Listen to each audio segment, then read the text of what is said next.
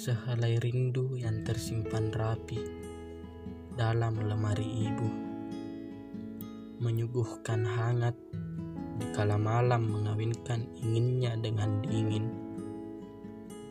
Sejuta resah terhapus oleh senyum ibu yang indah, menumpulkan keraguan dengan pundaknya, menajamkan keyakinan dengan pelukannya. Aku masih kecil. Kedua lenganku tak cukup untuk memeluk ibu. Terima kasih, ibu, sudah memelukku.